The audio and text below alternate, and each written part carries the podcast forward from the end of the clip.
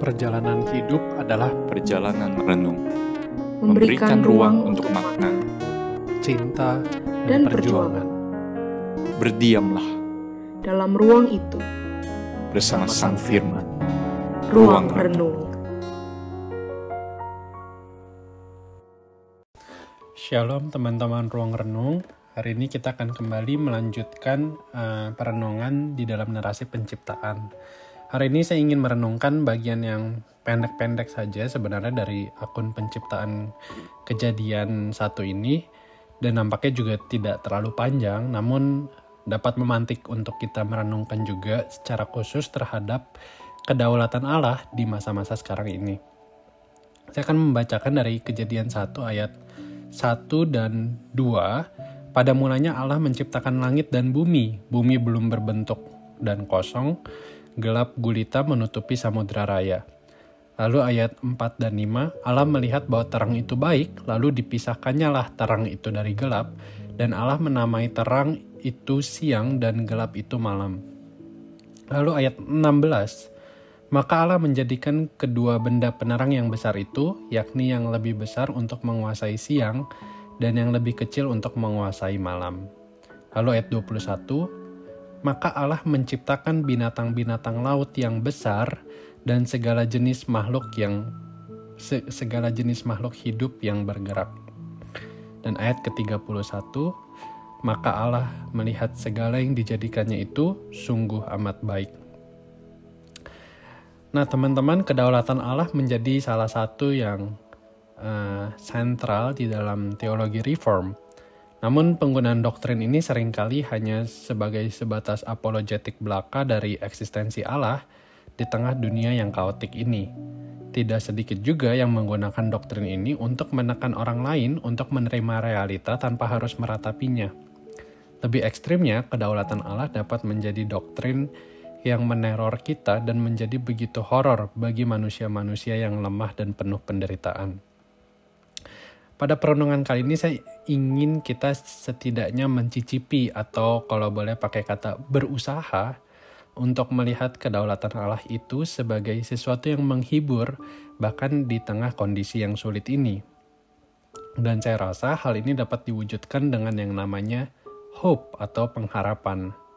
Namun sebagaimana waktu yang bersifat linear itu, berpengharapan berarti melihat ke depan. Nah, hari ini saya ingin kita melihatnya secara berbeda. Kita berpengharapan dengan melihat ke belakang, yaitu ke kejadian satu.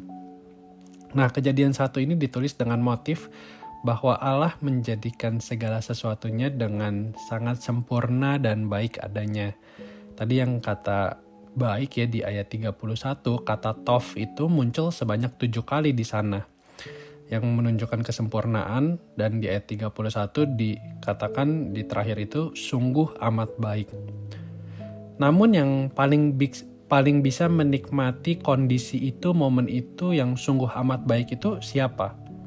Ya sebagaimana di narasi kejadian 1 dan 2, yang paling bisa mengerti kondisi yang paling baik itu tentu hanya Adam dan Hawa berdasarkan kisah tersebut. Nah, tapi bagaimana dengan orang Israel yang mendengar kejadian 1 dan 2 ini diceritakan waktu itu? Di awal dikisahkan bahwa Allah menciptakan bumi di ayat 1 yang tidak berbentuk dan kosong. Nah, frasa ini ya, tidak berbentuk dan kosong, muncul juga sebenarnya di Yeremia 4 ayat 23 yang serupa, yang menunjukkan sebenarnya suatu kekacauan. Tapi ingat bahwa tadi Allah yang menciptakan bumi ini yang tidak berbentuk dan kosong. Lalu di ayat 4 dikatakan juga bahwa Allah menamai terang itu siang dan gelap itu malam. Mungkin kita melihat malam dengan orang pada saat itu mendengar kata malam akan berbeda. Malam uh, atau bahasa Ibrani-nya Lailah, waktu yang paling menakutkan buat mereka di mana waktu yang paling gelap, pencuri bisa datang, juga binatang buas. Nah, tetapi di ayat 4 itu dikatakan bahwa Allah menamai itu malam. Jadi kata kerja menamai itu juga mengindikasikan bahwa Allah berkuasa atas kegelapan tersebut.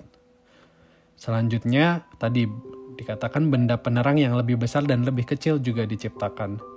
Satu sisi juga tidak langsung dilihat ya bahwa benda penerang yang besar dan kecil ini adalah sesuatu yang indah atau sesuatu yang baik bagi orang Israel. Misalnya di Mazmur 121 ayat 5 sampai 6 saya bacakan Tuhanlah penjagamu, Tuhanlah naunganmu di sebelah tangan kananmu. Matahari tidak menyakiti engkau pada waktu siang atau bulan pada waktu malam.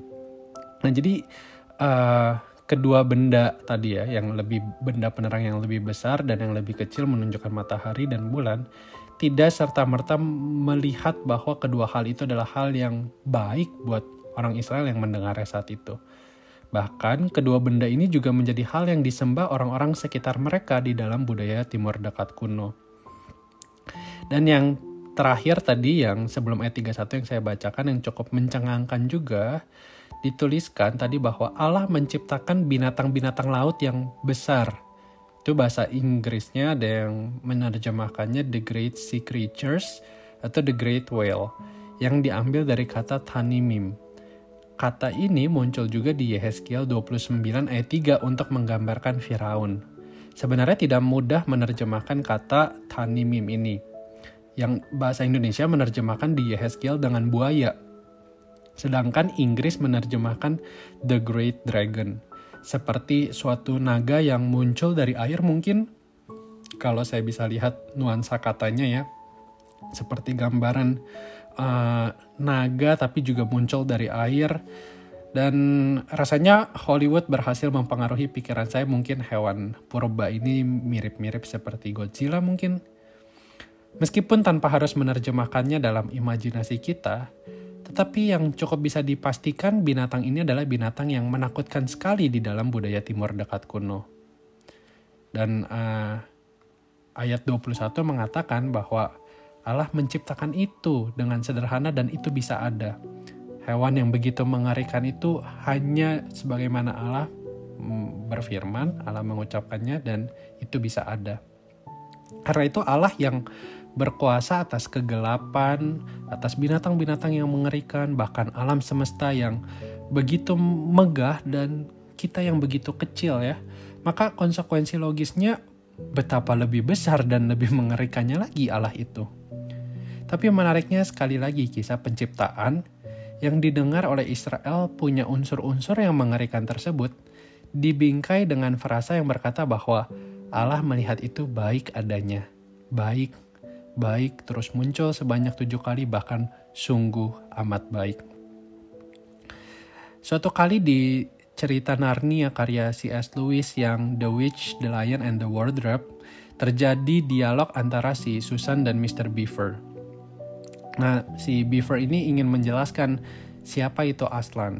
Dia mengatakan bahwa uh, Aslan is a lion, the lion, the great lion. Oh, kata si Susan Terus si Susan berkata, I thought he was a man. Saya pikir dia itu manusia. Uh, atau dia seorang laki-laki. Is he quite safe? Apakah dia aman? I shall feel rather nervous about meeting a lion. Saya rasanya nervous nih ketemu sama se seekor singa. Lalu si Mr. Beaver ini ngomong, safe? Who said anything about safe? Course, he isn't safe, but he is good si Mr. Beaver ini mengatakan, siapa yang bilang dia itu safe? Tentu dia tidak safe, dia tidak aman. Tetapi ingat, dia baik, but he is good. Saya rasa pergumulan yang real senantiasa kita alami ya dengan melihat bahwa Tuhan yang baik dan realita keadaan kita yang paling jujur. Narasi penciptaan seharusnya dapat menjadi satu kisah yang preskriptif terhadap pergumulan kita terhadap pengenalan akan Allah yang begitu luar biasa itu. Saya tidak ingin terlalu bergelut dengan perdebatan apakah virus ini, ya kita lagi bergumul dengan virus corona ini adalah ciptaan Allah atau bukan. Tetapi dari kisah penciptaan ini menunjukkan bahwa sebenarnya tidak ada yang berada, tidak ada satu inci pun atau hal realita apa pun yang berada di luar kendali Allah. Allah berdaulat mutlak terhadap apa pun, juga terhadap virus corona ini.